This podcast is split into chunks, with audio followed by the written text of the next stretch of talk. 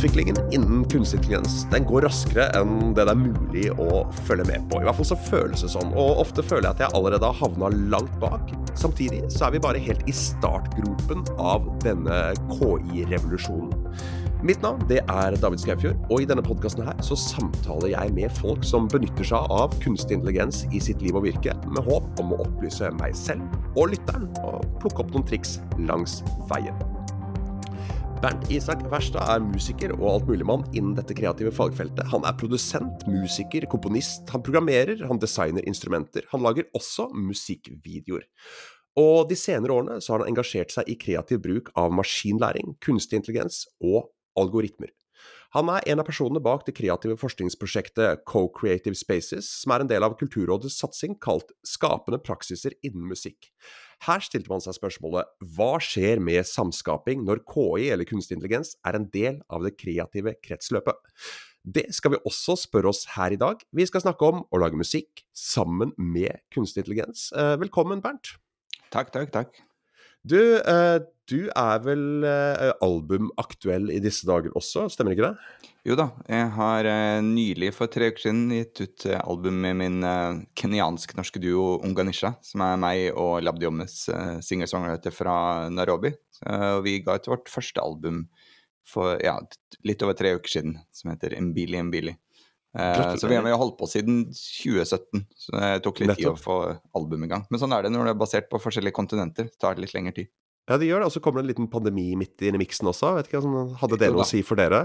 Eh, jo, det hadde jo det. Eh, både, både godt og vondt. Altså det, på den vonde sida så hadde vi jo akkurat spilt på Bylarm og var klare for Trænefestivalen og fikk interesse fra Altså hadde litt sånn hype og god rull, og så kom pandemien og bare Det var ja. stopp på det.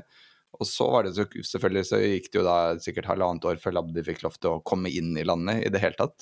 På den positive sida så ga det oss rom til å eh, utvikle vårt Vi lagde en sånn eh, forestilling for eh, ungdomstrinnet som vi nylig har vært på DKS-turné med, som er mer sånn scenekunstlig musikk-performance-produksjon. Eh, og det, det, tror jeg ikke hadde skjedd uten pandemien, så man eh, ja, det, det, er på en måte ikke noe poeng å gråte over spilt melk, men bare se videre. Men det kom i hvert fall fine ting ut av det også, da. Ja, ja, ja, absolutt. Og det, det er jo, eh, det er jo eh, jeg føler at veldig mye av KI-akselerasjonen og veldig mye av mitt virke i dag er direkte påvirka, og også en del i positiv forstand, av pandemien. Eh, man er drittlei av å snakke om den, men den har jo vært en, en kulturell signifikant faktor de siste årene. Når du jobber med en, en musiker på et annet kontinent. Hvordan jobber dere sammen? Da er det mye sånn som dette, at dere sitter i Zoom og prater, sender låtsnipper fram og tilbake? Har dere mulighet for å øve over nett, eller er det Nei, den, uh, den teknologien er, som ble utforska en del under pandemien, er mm. jo på en måte den er jo begrensa av, av, infrastruktur og internettoppkobling og sånn i seg sjøl, men den er også den er begrensa av fysikkens lover. Det er liksom pga. den fysiske avstanden så er det begrensa hvor kort latency man kan få. Så det er jo gjort en del Ja, man prøvde jo iherdig å få til alskens mulige løsninger, spesielt under, under covid. Uh, men uh, nei, det er ikke noe gode verktøy for det. Og ikke sånn uansett for måten vi spiller live på og ville øvd, så, så gir det liksom ikke mening. Det handler mye mer om å være sammen og ja. gjøre et sceneshow, og det er veldig sånn um, Ja, det er ikke som det er ikke som å øve med et vanlig rockeband, f.eks. Det er litt andre parameter som skal inn. Men uh, nei, i starten så var det mer at vi uh, At vi møttes nå da, og så sendte vi liksom ideer over WhatsApp, og så i starten så var det, sendte hun bare voice recordings, og så tok jeg det inn i Eberton Live og begynte å lage noen låtskisser rundt det. Men, men vi har hele tida vært avhengig av på en måte å være sammen på et tidspunkt ja. for å få ting liksom i, i mål, på en måte. Uh, og nå er det blitt mer og mer. Nå møtes vi jo så ofte. altså Vi to er her tre, fire, fem ganger i året. Jeg er i Kenya tre, fire, fem ganger ja. i året. Så, så, vi tilbringer jo veldig mye tid på på samme kontinent nå, da. Dette, dette høres ut som en perfekt bruk av teknologi. For at det, altså, dette med teknologi i musikk har jo alltid vært en greie hvor det tilbakevendende temaet er sånn Å, du kan jo bare få maskinene til å gjøre det for deg. Og det husker jeg, det husker jeg da jeg var eh, Selv på 80-tallet, hvor jeg likte elektronisk musikk som barn. Og en kompis av meg hadde noen eldre punke... Eller broren hans spilte i punkeband, og de mente at elektronisk musikk, det er bare å trykke på noen knapper, så kommer det en låt. ja. Uh, hvor jeg hadde lært et svar på TV, så ah, vis meg den knappen, da, så kan vi alle bli millionærer. det er, ja. uh, men, men, det som jeg syns er kult med det du sier nå, det er at, um, at uh, dere er fremdeles avhengig av det møtene, og teknologi er noe som muliggjør deres samarbeid i periodene mm. hvor dere ikke er sammen, via WhatsApp og sånn, men det erstatter det ikke. Så, så, så, teknologi som en viktig bestanddel av uh, musikk og kommunikasjon, uh, men samtidig behov for å møtes i rommet. Det er, det er liksom hyggelig å høre at det, det er en del av greia.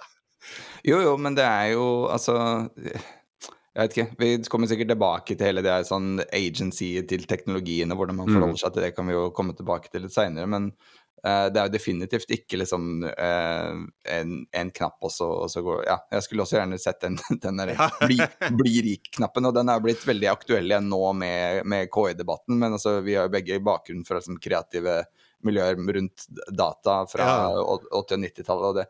Uh, og da fikk man det mye, det, det var mye av de fordommene der, og så er det en del av det som er veldig sånn knytte opp til en sånn eh, idé om hva som er eh, autentisk. Sant? Det er sånn, ja. Når synthesizerne kom på 60-tallet, så var det sånn Nei, det er ikke ordentlige instrumenter, og ja, ja. det er tull og elektronisk. Og nå, hva er det hippeste du kan eie nå, er jo en Moog-synthesizer fra 60-tallet. Liksom. Det er det mest autentiske du kan, kan, ha i visse kontekster. Kanskje, kanskje ikke et punkband eh, fortsatt, men uh, Så det er veldig sånn knytta opp med, med, hva som er, føles autentisk, og hva som er kult, på en måte i de ulike sjangerne og ulike miljøene. Ja, ja. Det, det, som var eh, Det som kom ti år før du var født, vil alltid være retro altså om 50 år. Om, om, 40 år så vil folk som er oppvokst i liksom starten av KI-revolusjonen, være nostalgiske i forhold til de verktøyene vi hadde da. Så, ja, sånn vil det alltid være. Men, men eh, ja, jeg er jo Hvis du ser bak meg her nå, så begynner jeg å få Jeg har en Korg, jeg har ikke en Moog. Jeg har lyst til å snakke litt om sånn arbeidsstacken din, men det bare slo meg her om, om, om dagen jeg har, veldig, jeg har en periode hvor jeg har vært veldig inne i 80-talls syntmusikk. Og, og liksom kvaliteten på disse 80-talls syntene er jo helt fantastisk. Altså, det er jo for et tiår, for et teknologisk tiår, for en revolusjon det var med, med, med, den type musikkskaping der nå. Men dette var jo ganske utilgjengelig, så hvis du skulle være et band som har noe sånn Altså oddsen for at du var privilegert nok til å ha råd til de instrumentene, var jo marginal. Altså for at jeg vet ikke, skulle, skulle du lage en, en synt-pop-låt på 80-tallet, så måtte du ha tilgang til i hvert fall tre forskjellige synter, og gjerne en trommemaskin, og de kosta gjerne 40 000 stykk. Altså, og, og, og, nå har jeg det samme på, på FL-studio her, med et par plugins som har kosta meg maks liksom 2000 kroner. Og, og det krever fremdeles det samme meg. Jeg må jo kunne de samme tingene. Jeg må jo være musikalsk. Jeg lager ikke musikk på, på nivå med a-ha, men jeg har i hvert fall teoretisk mulighet til det. Så, så det, er liksom, det, er mer tilgjengelig. Uh, men, men uh, hva er liksom arbeidsstacken din for eksempel, la oss ta eh, Unganisha-albumet. Hva, hva, bruker du av instrumenter, av teknologi? Hva er du avhengig mm. av for å kunne utgi dette?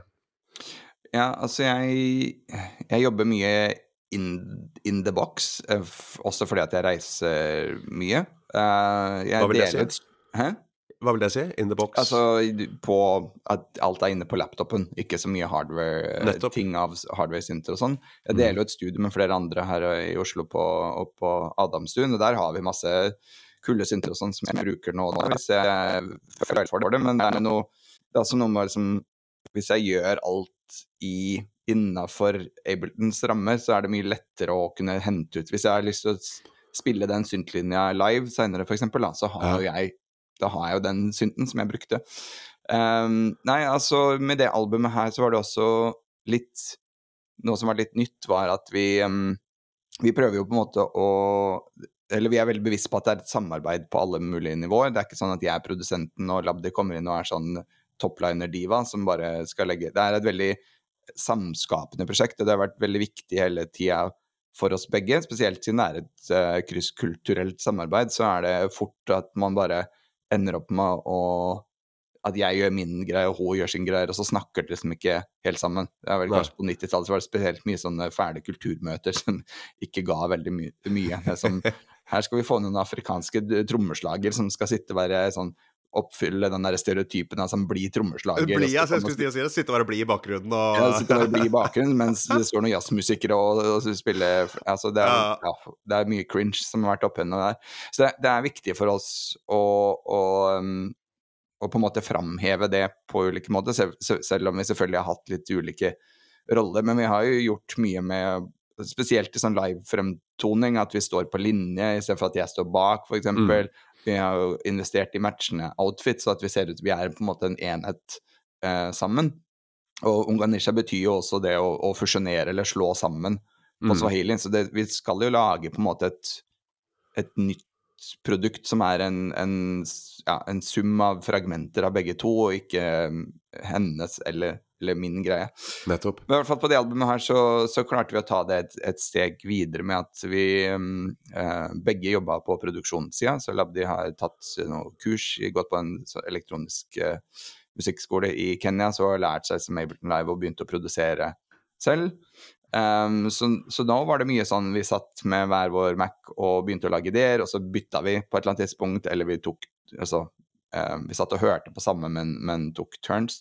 Så det er mye sånn knote inn ideer. Jeg, jeg er veldig Jeg prøver å være så intuitiv som mulig, selv om eh, selv om man jobber med liksom, piano rolls og beating, og, og ikke tenker hvordan en beat skal være, men sitte egentlig bare trykke inn litt sånn Ja. random, på en måte. Sånn styrt randomness, på en måte. Ja. Og så bare Ja, det her var litt kult, men ok, nå må jeg bytte sånn og sånn og sånn, og så blir det en, en gruve ut av det. Da føler jeg at jeg ikke overtenker for mye og få brukt mer av den. Jeg kommer jo fra mye improvisasjon, så jeg liker den Ja. at ikke teknologien skal på en måte styre for mye av valget jeg gjør. Den styrer allerede veldig mye valg. Mm. Uh, den er jo spesielt Ableton den er jo design, det er jo en programvare som er designa for veldig streng tysk, uh, kvantisert elektronisk musikk. Så det å prøve å legge til som afrikansk groove er jo Ja. Måte Du, å jobbe fortell litt for de som ikke kjenner til musikkproduksjon. Jeg nevnte FL Studio, som er det programmet jeg bruker primært. Det er altså Ableton Live. Uh, Ableton Live, hva er det, og hvordan benytter du av det? Ja, det er jo et, eh, et DAW, Digital Audio Workstation, på, på lik linje med ja, FL Studio og Cubase og Pro Tools og, og Logic, hvor alle, og Reaper Alle de her programmene har jo ulike styrker og, og svakheter. Eh, en av de unike tinga med, Mabelton Live er at den, i tillegg til den klassiske tidslinja som følger liksom gamle tapemaskin-ideen, hvor, ting, hvor du legger inn ting, så er det som låst dette vil skje på takt fire, eller etter Mm. 37 sekunder.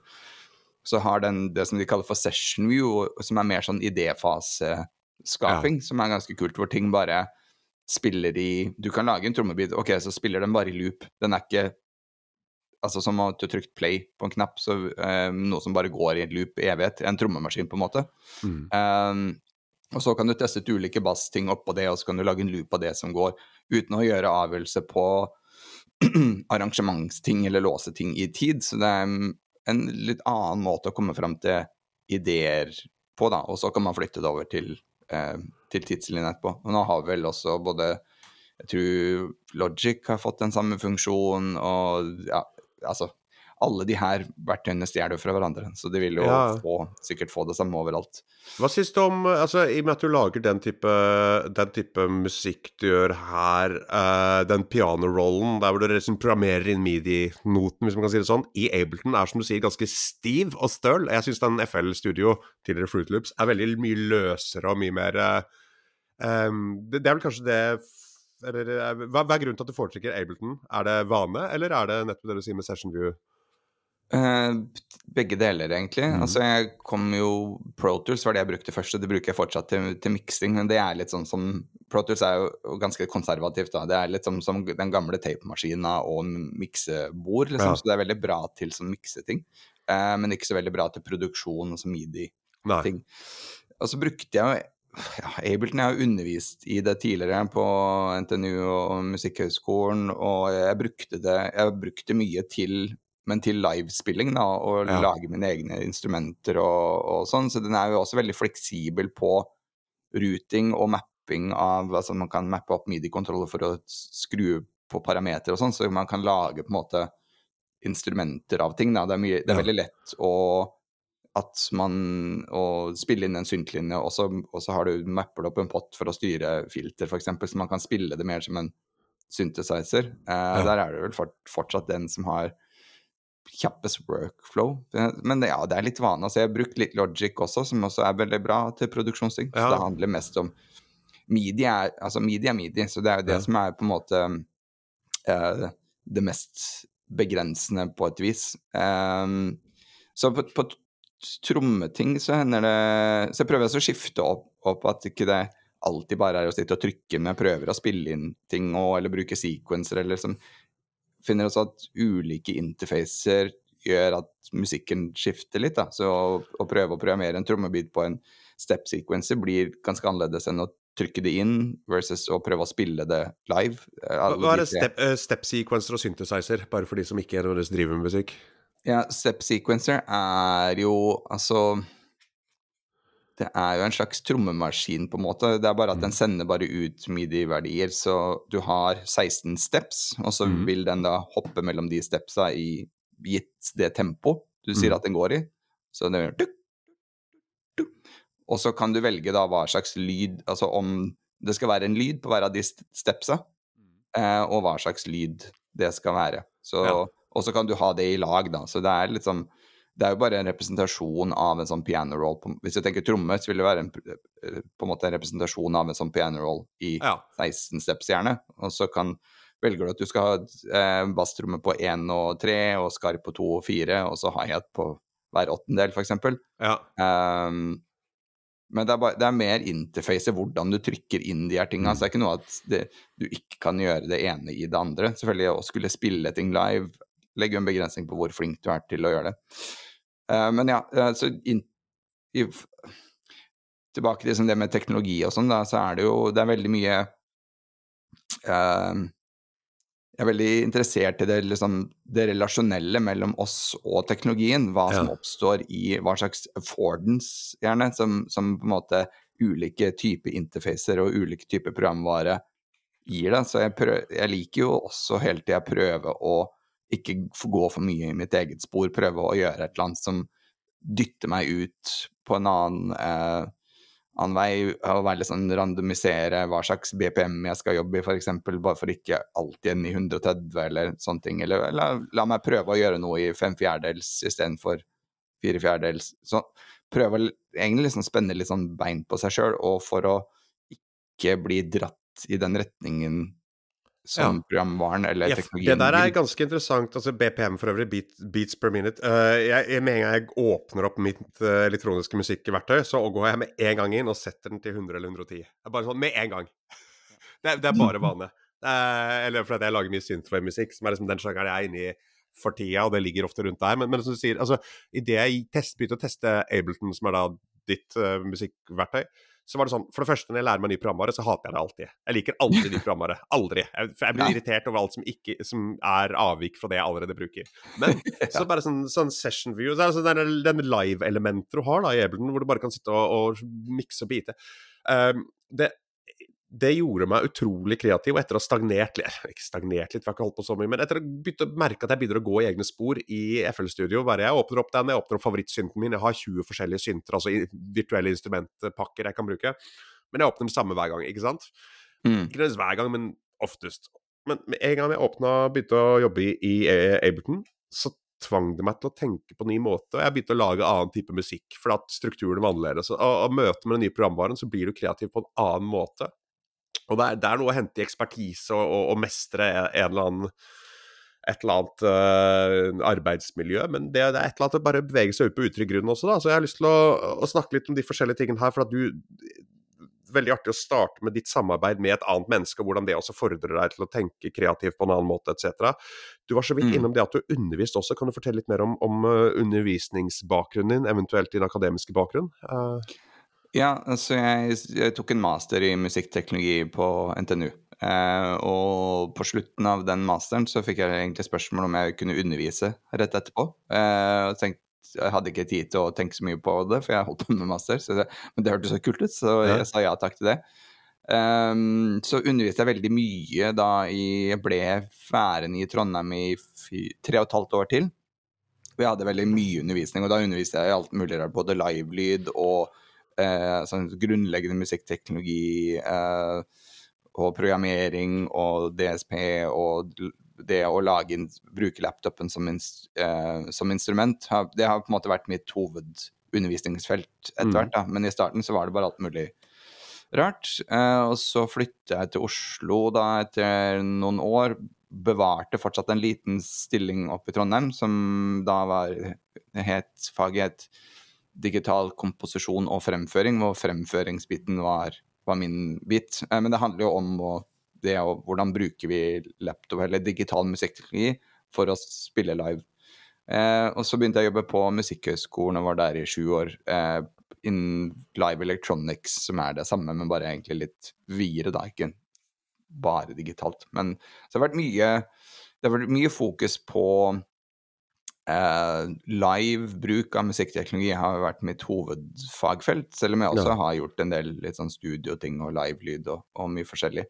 Og også i akademisk sammenheng så har det vært der jeg har um, hatt liksom publiseringer og deltatt mye på en uh, internasjonal konferanse som heter uh, NIME, eller New Interfaces for Musical Expression. Som handler mye om både det å ja, man snakker mye om både mappinger og, og liksom, det, lyden som genereres, men også ulike typer interfacer og sånn rare ja. sensorer, og, og, hva det gjør med hvordan man uttrykker seg musikalsk. For det er jo det alt bunner jo ned i at man vil formidle et ja. eller annet, eh, på en måte. Og hva det er, og hva det blir. Altså hva, hva du kan gjøre, er jo avhengig av teknologien, men også hva det blir. Jeg ser det veldig som en sånn i en Det oppstår i en relasjon mellom deg som menneskelig utøver og teknologien, mm. og også andre mennesker. Hva, hva, hva skrev masteroppgaven din? Hva var det for noe? Eller hva var tittelen? Uh, Eller tema, da, kanskje. Grand, det handla om å bruke granulær syntese som en live prosesseringseffekt uh, for gitar. Nettopp. Det. det. det var litt, sånn, litt, programmering og litt spilling og litt skriving og, og, sånn. Og så på en måte som en del av den masteren så ble, ble jeg altså involvert da i veilederen min, Øyvind Brandtzæg. Han uh, holdt på med utviklinga av en sånn gigagranulær syntese eller synt slash effekt. Så den kan brukes både som en synt, men også som en live prosesseringsting som heter uh, Hadron Particle Synthesizer. Så jeg var med på utviklinga av den. Så den er, eh, og den er fortsatt populær på nedlasting, gratis, på partikkel, partikkelaudio.com. Nettopp. Som er VST. Um, så det var egentlig det. Det er jo litt som, med, som med mange ofte med masteroppgaver, at man det er veldig mye å lære seg å lage en masteroppgave. Ja. det, er liksom metodeutvikling, på en måte. Så, det er bare det vi ser. De driter jo i hva som er innholdet. Det er bare kan du, kan du gjennomføre en master? Da er ja, du good. Er, er, du i stand til å gjennomføre det? Ja. Det ja. uh, men, men du, du, programmerer også. Kan du, uh, altså bare før vi går over, bare for å ha etablert hvem du er og hva du gjør, før vi går over i kunstig intelligens, uh, kan du programmere en av disse VST-ene, eller Virtual Synthesizer, for musikalsk programvare? Uh, jeg var så vidt involvert i liksom uh, ja, VST-sida eller C++-sida av det. Jeg er ikke noe god C++-programmerer, så vi hadde en annen som var, liksom, gjorde 98% av programmeringa. Ja. Men det er så mye nå så er det jo mye sånn rammeverk og sånn som man bruker. Mm. Så jeg kunne hvis jeg ville sikkert fått det til, hvis ja. jeg hadde satt meg ned og, og, brukt tid på det. Det er noe som er et rammeverk som heter Juice, som nesten alle bruker. Eh, for da har man som håndtert alt ja, veldig mye greier. Man har et system for GUI, og den håndterer allerede at du kan eksportere til både audio unit, som er Mac-formatet, og VST og VST3. Ja. Man kan også eksportere til Avid sitt eget format. Så den har håndtert, gjør mye av det kjedelige ja, ja. Eh, opplegget. Det er jo litt som eh, ja, DirectX eh, gjør for lyd, eller nå som man bruker jo Unity eller Unreal i grafisk ting. Så ja, C++ har jeg litt sånn uh, basic kunnskap i. Uh, men så bruker jeg mye et, et um, gammelt lydspesifikt uh, programmeringsspråk som heter C-Sound, som er egentlig en arvtaker etter de første musikkprogrammeringsspråka helt tilbake fra slutten av 50-tallet, som het Mhm. Music 1 og Music 3. Um, så, men CSAM kom liksom i en sånn nåværende form i 1986, tror jeg. Eh, og er et på en måte litt gammeldags språk, men også veldig fleksibelt og moderne. Eh, det, det har så garantert bakoverkompabilitet, så ting du ting som ble skrevet for Sisan i 1986, kjører fortsatt på nyeste versjonen i dag. Ja. Og skal garantert gjøre det frem. Og i hvordan ting endres med liksom både Apple og gjør noe som helst med Python, så er det faktisk eh, verdt ganske mye. At man kan eh, at man har den muligheten. Men, eh, men en av de tingene som er kult med Season, er at det kan kompileres og kjøres på alt mulig slags plattformer. Så du kan kjøre det på eh, ja, vanlig Mac, men også og Linux og, og Windows. Det kan kjøres i browser, du kan kompilere det for Beaglebone og Raspberry Pi, det er sånn singleboard computer. Mm. Uh, uh, du kan kjøre på telefon, Android eller IOS. Og det fins også da noe som heter Cabbage, som er et system hvor man kan programmere CSAN som man programmerer i CSAN og lager et GUI, og så kan du eksportere det som VST eller audio unit. Ja. Så jeg brukt det en del, og så er det jo et grafisk programmeringsspråk som heter Max, eh, Max MSP tidligere, som jo er også en, en av grunnene til at jeg holder meg i live, for de kjøpte Cycling74 for noen år siden, som er de som har lagd det programmeringsspråket, eh, og lagd Max for live, så betyr at man har sånn i Live så har man egne devices som du kan åpne opp og editere og programmere med det her grafiske programmeringsspråket, som er sånn du drar inn bokser, og så kobler man ting sammen, på en måte. Ja. Sånn litt sånn patching i modulær synsverden. Hva, hva kan du gjøre med det programmeringen? Da kan du rett og slett påvirke instrumentene Du kan lage ditt eget instrument. Det er jo et, det er jo et programmeringsspråk, liksom. Det er bare Ja. at det er eh, Altså, man har objekter som er liksom uh, unit operators, eller det kan være en, en oscillator eller et filter, Skjønner. eller sånne rene rytmiske funksjoner, eller eh, ja, matrisehåndtering, eller whatever. Det er veldig stort og komplekst, men du har på en måte både kontrollsignalfunksjoner, og så har du eh, DSP-funksjoner, altså ting som går rett på signalprosessering. Så du kan både lage din egen delay eller klang eller vreng eller whatever, eller Mm. du kan lage din egen synthesizer Ja. eller alt mulig annet rare ting. Så det er jo veldig mye Og det fins jo et kjempemiljø av folk som lager ting som da er for det meste gratis. Man kan laste ned og bruke direkte i live. ja. Nei, det er jo det, det er jo som er eh, her, at man kan jo gjøre altså Det høres ut som du kan gjøre det du vil i Så lenge du har laptopen din og Ableton Live og tilgang til internett, så kan du lage det du vil. Det er ikke begrensa Nei, jeg, det er det som jeg prøver å, å som igjen er hold, hold it in the, in the box. Selv om jeg setter veldig pris på det. Det er nå en helt annen ting igjen, tilbake til interface. da. Det å, å på en måte deale med en fysisk eh, eller en hardware synthesizer Ja. er inspirerer andre ting, fordi det er gjort mye liksom mappingvalg av de som har, har um, implementert den her, og det er begrensninger, da, som jo Ja. ofte er, er eh, kreative katalysatorer. For det er hovedproblemet med digital musikkteknologi er at man har alle muligheter. Og det er derfor det er liksom lett å få ting til å høres ganske ålreit ut, og så er det kanskje vanskelig å få ting til å bli interessant. Ja, ja, Eh. og, og jeg vet jo at mange av eh, Altså, vi kommer jo fra litt sånn samme miljø som kreative datamiljø, og hvor det tidligere fantes Altså, tidlig musikkprogramvare på type 90-tallet var ganske begrensa. Det var fire kanaler, det var sample-basert. Du, du, du eh, Mm. måtte tenke veldig eh, praktisk og løsningsorientert for å i det hele tatt få noe særlig ut av den. Mens nå, når du åpner en, en eh, en DAW, en DAW, så, så, er det, så kan du gjøre alt. Og, og det kan jo være ganske skremmende eh, og lammende for mange. Og det er mange som var veldig gode i den type litt mer gammeldags, litt mer primitive musikkteknikker, som bare får helt avsmak fra nye ting. For at du i teorien kan gjøre alt, men det er et eller annet med å Eh, ja. Uh, det er som å bare åpne hele internett på en gang. Og bare Ja. ja. Så nå skal jeg si absolutt alt på internett. Ja, Uh. Men det, er, det er eh, av og til så, det er det jeg prøver av og til å sette opp litt, om ikke begrensning, i hvert fall noen sånn ja, litt snublepinner eller en eller annen sånn gjør en eller annen sånn, bare gjør en avgjørelse på, for Ja. eh, nå skal jeg gjøre noe i en annen toneart enn jeg pleier å gjøre, eller Mm. uh, jeg skal lage det i et annet tempo, eller jeg skal, jeg skal Av og til så prøver jeg å lage Hva hvis jeg prøver å lage en reggaeton-beat, og så vet jeg at det kommer ikke til å bli en reggaeton-låt, men det blir på en måte innfallsvinkelen min, og så får det bli naturlig.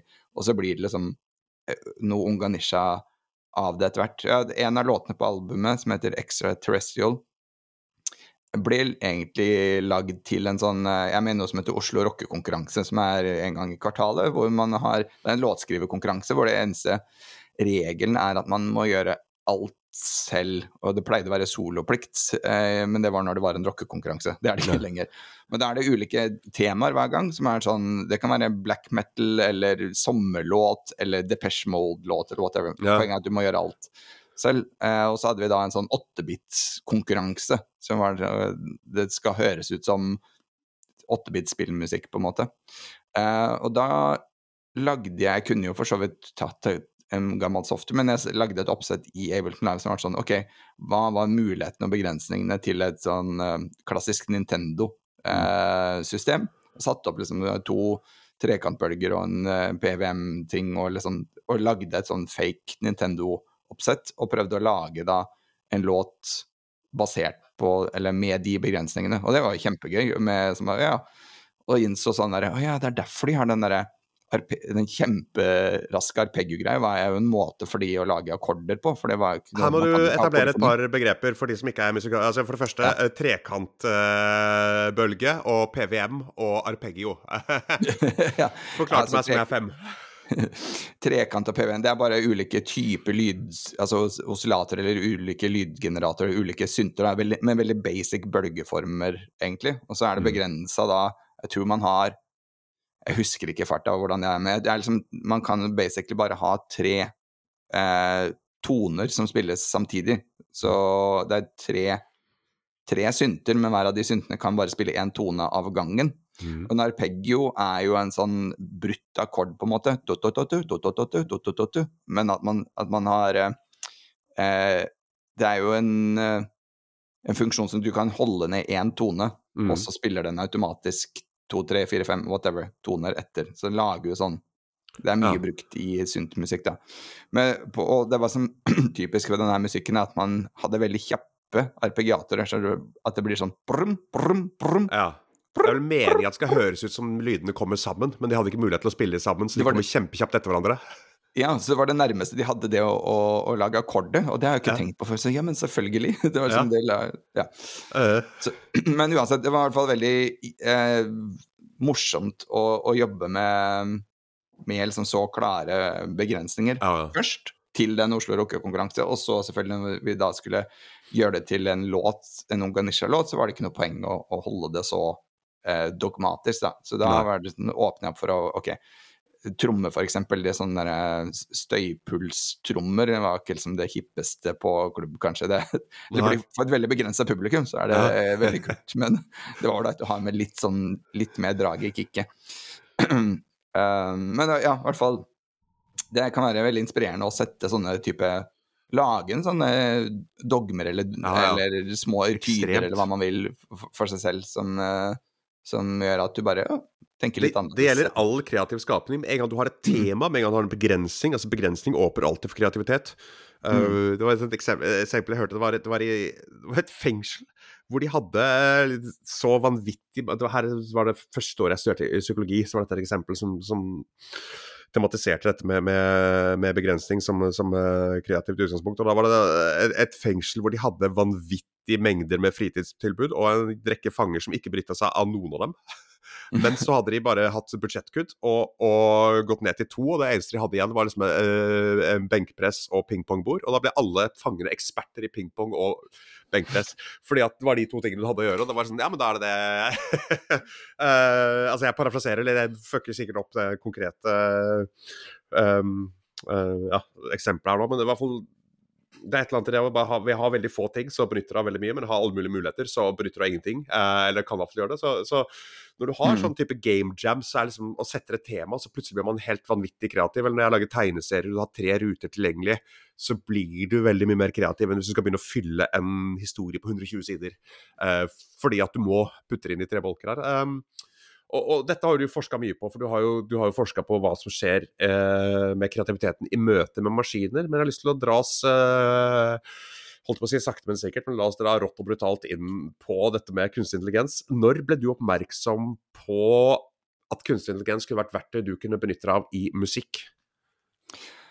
Ja, altså det er veldig rart det, for jeg hadde sånn null interesse for alt, eller øh, algoritmiske ting, da, som er litt sånn før, på en måte. Det er jo en del av, av det samme. Kunstig intelligens og maskinlæring er jo ikke noe nytt, selv om det er nå vi snakker om det. Så er det jo felt som kunstig intelligens ble etablert på slutten av 50-tallet, tror jeg. Ja. Så det er jo ikke noe nytt. Men, men, det var gjerne det er jo maskinlæringsbiten som har liksom eksplodert de siste åra. Så det er jo eh, litt også manglende i debatten om dagen er hva er hva. Det kan ja. vi komme tilbake til. Men, uh, men La oss ta det nå. Hva er, hva? hva er maskinlæring, og hva er kunstig intelligens? For dette her vet jeg at du ja, er. Eh, jeg er jo ikke Norges fremste ekspert på, på dette, men, eh, og det er jo ikke inntrykk at er ikke alltid helt enighet i fagmiljøene akkurat hva som er er hva eller.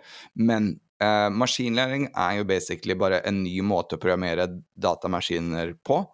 Hvor man istedenfor å sette opp spesifikke hvis det, if then, else, mm. do that Altså man setter opp en liste av eh, avgjørelses- eller logiske blokker, på en måte. Som er, ja. hvis dette skjer, så gjør det. Hvis ikke, så gjør du sånn. Mm. Det er jo den tradisjonelle måten å programmere datamaskin på. Maskinlæring er jo en måte hvor man gir maskinen et sett av eksempler, mm. og så ber den om å finne et mønster i de eksemplene. Og så når du da Så du har en treningsbit, og så har du en kjøringsbit. Treningsbiten handler om å si eh, ja, eksempel 70 000 bilder av føflekker, og så har du med et fasitsvar som sier 'dette er kreft, og dette er ikke kreft', og så skal ja. den prøve å lære et mønster av det. Og så når du da viser fram en ny føflekk, så skal den kunne skjønne er dette kreft eller ikke. Ja. Uh, så du lager modeller som da er i stand til å ta avgjørelser, eller i, i, nå, i, i kreativ sammenheng ofte da å generere nytt materiale. Um, så man har type trent en modell på å kunne gjenskape um, noe som er veldig populært om dagen, sånn uh, heter uh, autoencoders, handler jo om egentlig å lage en slags sånn kompresjonsalgoritme, som er ta dette bildet, ja. uh, komprimere det ned til veldig lite informasjon, ja. og være i stand til å gjenskape det på andre sida. Så ja. det er det den trener på, så den, den, har på en måte et fasitsvar. Skal kunne gjenskape det. Det høres veldig kjedelig ut, men poenget er at når du da skal generere nytt, så kutter du ut input-sida, så putter du inn Ok, men hvis jeg putter inn det her, et bilde av deg sjøl f.eks., mm. hva kommer da ut på andre sida? Så hvis ja. du har trent den på et bilde av Kurt Russell, og så var han i stand til å gjenskape Kurt Russell perfekt, og så putter du inn bildet deg sjøl, så blir det kanskje David Russell. Eller ja. jeg vet ikke. Um, men ja, uansett, maskinlæring er i hvert fall en sånn For meg så er, oppsummeres det enklest i Det er bare en ny måte å programmere datamaskiner på. Mm. AI er jo et breiere felt, som hvor maskinlæring er en stor del av det, men det har jo vært mye AI er jo også en del altså, algoritmiske ting som er mye tradisjonelle if then that, og kanskje til, tilfeldighetsfunksjoner og diverse. Det er mer sånn det større, mer komplekse systemet rundt, da. Uh, og så har du vel en del maskinlæringsting som jeg vil si ikke er AI, hvor det er veldig sånn konkrete verktøy. Sånn støyfjerning, eksempel, er veldig sånn lære seg hvordan eh, Jeg ser ikke noe AI jeg ser ikke noe grunn til å kalle det AI eller KI, da. Um, egentlig, for den er jo den er smart. Det er jo bare en algoritme som gjenkjenner støymønster, og så er den på tilsynelatende mirakuløst vis i stand til å fjerne det. Jeg tror det er derfor man gjerne kaller det for KI, fordi at det virker så magisk, og det ja. er det tidvis.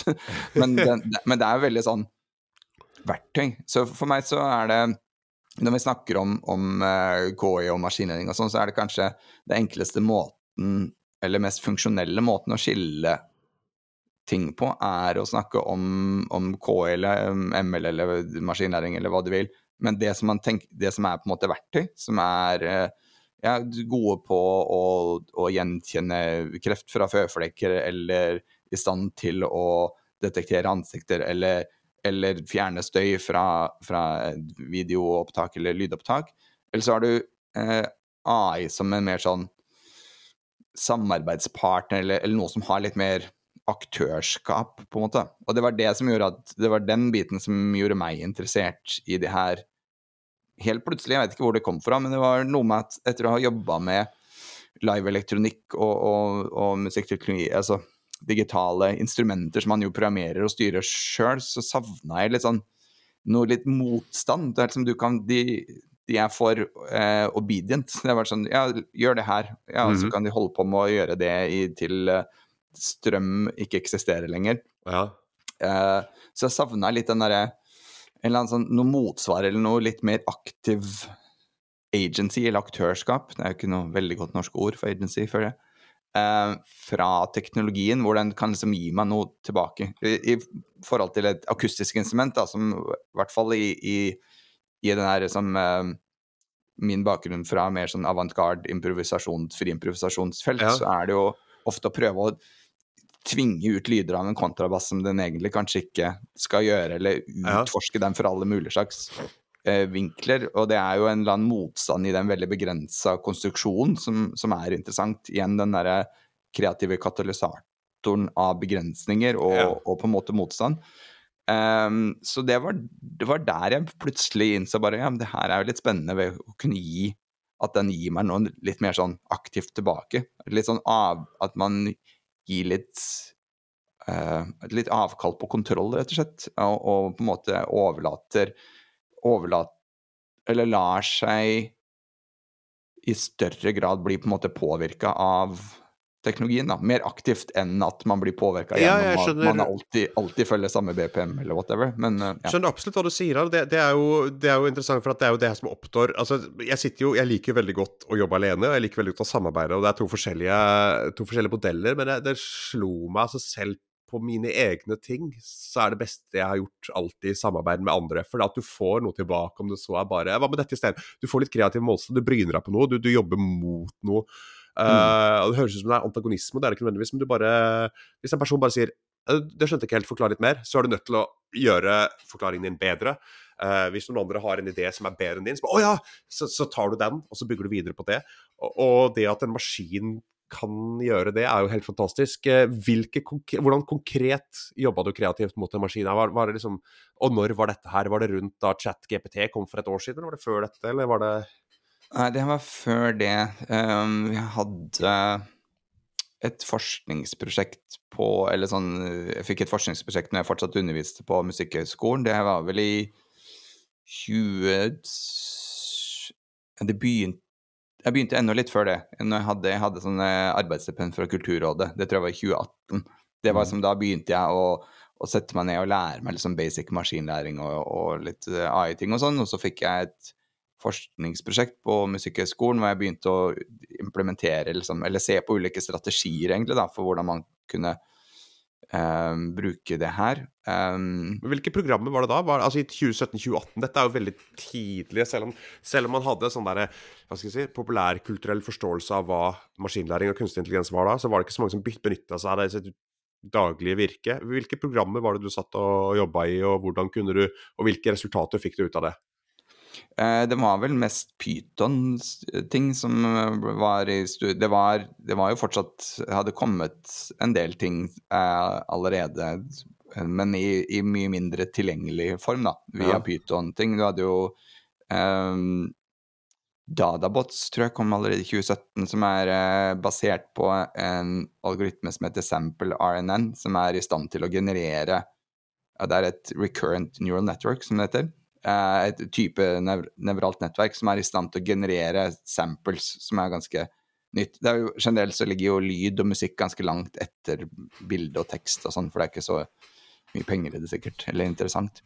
Eh, men de lagde jo en sånn eh, black metal eller death metal-bot som bare kontinuerlig genererer Den er vel oppe ennå på YouTube, så du kan gå inn der, så står den bare og genererer litt sånn noe som høres death metal-aktig ut.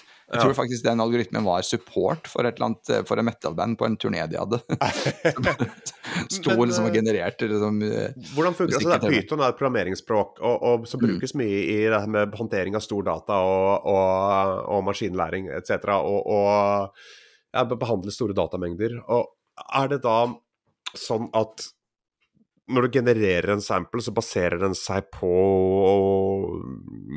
millioner med megabyte, holdt jeg på å si. Store mengder. annen sample-data som er kategorisert som dette er en gitar, dette er også en gitar, dette er en tredje gitar. Her har du fellesnevner for gitar. Eller dette er en La oss ta en basstromme, da, for eksempel. For at du snakka om lydbølger i sted. hvordan man genererer en kick, en sånn pump, den er ganske enkel å gjøre. For at når du gjør Når du lager den da i en virtuell syns, så, så, du, så bruker du det en sinuskurve, altså en sånn bølgete lydkurve, og så bare hard attack, dvs. Si at du starter, starter brått på, og så dør den fort ut. Er det Eller ville du beskrevet ja. det bedre? Nei, ja, altså det er mange måter å, å Ja. Eh, men ja, en envelope, som det heter, altså attack, decay, sustain release, er jo viktig. Men det er jo mer sånn på syntesefronten, så det er ikke det Det, ikke det, den, det kunne den... man sikkert også trent opp en, en uh, modell som hadde som på en måte styrt de her ulike parameterne for å generere det. Det er jo folk som har gjort det. Men sample RNN er mye mer generisk. altså Det er en sånn såkalt unsupervised machine learning algorithm, så den har ikke et, nødvendigvis en eh, fasit på hva det skal bli eh, i etterkant, tror jeg. Nå ble jeg plutselig usikker. Det kan hende jeg snakker ferdig. Men poenget er i hvert fall at man, man, eh, måten man trener det opp på, er ved å gi en masse Du gir den et lydbibliotek, da, rett og slett. Ja. Så du kan gi uh, Sånn i tilfelle til Dadabot, så har de trent en, de har trent en modell på veldig masse opptak av death metal, back metal-ting. Så det er jo det, mm. litt sånn det samme som man ser med, med Midjourney nå. Da, er det trent på eksempler av, eh, av masse kunst. Og så De har riktignok en tekstprompt. Tror, så vidt jeg husker med sampler og NN, så bare genererer den Det er ikke noe tekstinput, den bare genererer basert på det den har lært fra eksemplene. Så ja. genererer den bare ny um, nye lyder, rett og slett. Ja. Så, ja, det, det, det, da kan man høre fellesnevner. For det, det, jeg ville fram til, var ikke, var ikke nødvendigvis at den, Selv om det burde også være en mulighet å generere i en kicksample eller hva som helst. Det var bare å skrive det inn. Og jeg vet også at den programvaren finnes, men jeg vet ikke hvor bra den er. Jeg har bare sett typen det dukker opp på, på, Instagram, siden den vet at jeg har slått til og kjøpt mange synter derfra. Uh, at den kunne generere instrumenter. Uh, ved hjelp av prompts. Men jeg mistenker at den, eh, ja, som du sier, musikkteknologien ligger litt bak her. Men, men det skulle være lett hvis du gir den én million kick samples, eller bare ti, så skal du fort se fellesnevnere på disse og kunne generere noe som minner om dette, og tvike det. Og, og jeg så for meg at det var sånn den genererte sample, eller men uh... ja, ja, jeg tror hvis du hadde bare trent den på et bibliotek kun av kick-sample, så hadde du fått ut veldig masse variasjoner på hva et kick-sample er. Men mm. det er kanskje ikke det som er det mest folka som er, eh, har interessert folk så mye, da. Man trener det gjerne på litt mer komplekse eh, ting for å kunne generere mer komplekse ting enn en enkeltsamples. Men det, det, burde sikkert vært mulig å, å gjort, altså. For det jeg lurer på med eh, Når jeg jeg er veldig glad i jeg er veldig glad i å spare med ChatGPT og bruke de der eh, språkmodellene, men jeg også liker veldig godt DAL i 3, som jeg foretrekker personlig for Midjourney, men, men måten bilder genereres på. Det er jo sånne diffusjonsmodeller hvor den går fra bare å generere masse støy, altså dette med å gi et tilfeldig utgangspunkt, og så prøver den å gå fra denne støyen og trekke liksom bilder ut av det. Så, så, hvis vi hadde sett Jeg skulle ønske at uh, prosessen var transparent, så vi kunne se det forme seg, selv om det sikkert hadde vært helt uh, vanvittig kaotisk å se hvordan pølser ble lagd. Uh, men det jeg savner i det, det er å kunne generere bilder som kommer i forskjellige lag, som i Photoshop, hvor den vet hva de forskjellige elementene er. Hvor jeg kan liksom mm.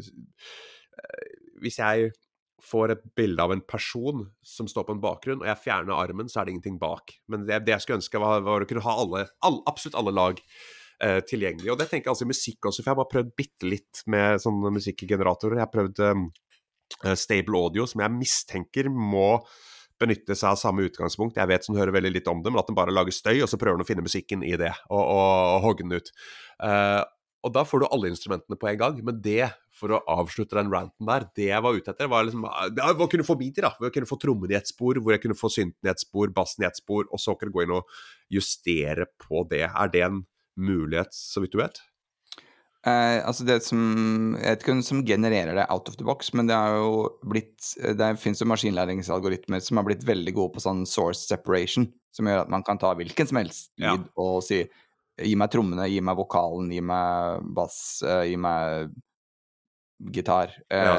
Sikkert jo lett, lettere, jo mer liksom konvensjonell type lyd det er, men jeg, jeg var nylig og jobba med en kollega i, i Wien som hadde gjorde det lignende på et sånt gammelt tape-stykke som Ja. var masse rare lyder, og det funka visst ganske bra å hente ut liksom fem ulike lag fra det. Og der var Det det sånn, noe, ja, noe terminaktig lyd, og så var det noe vokalsamples og noe rare, Det var veldig sånn Det var ikke et det var ikke en sånn rockeband med bass, tromme, gitar og vokal.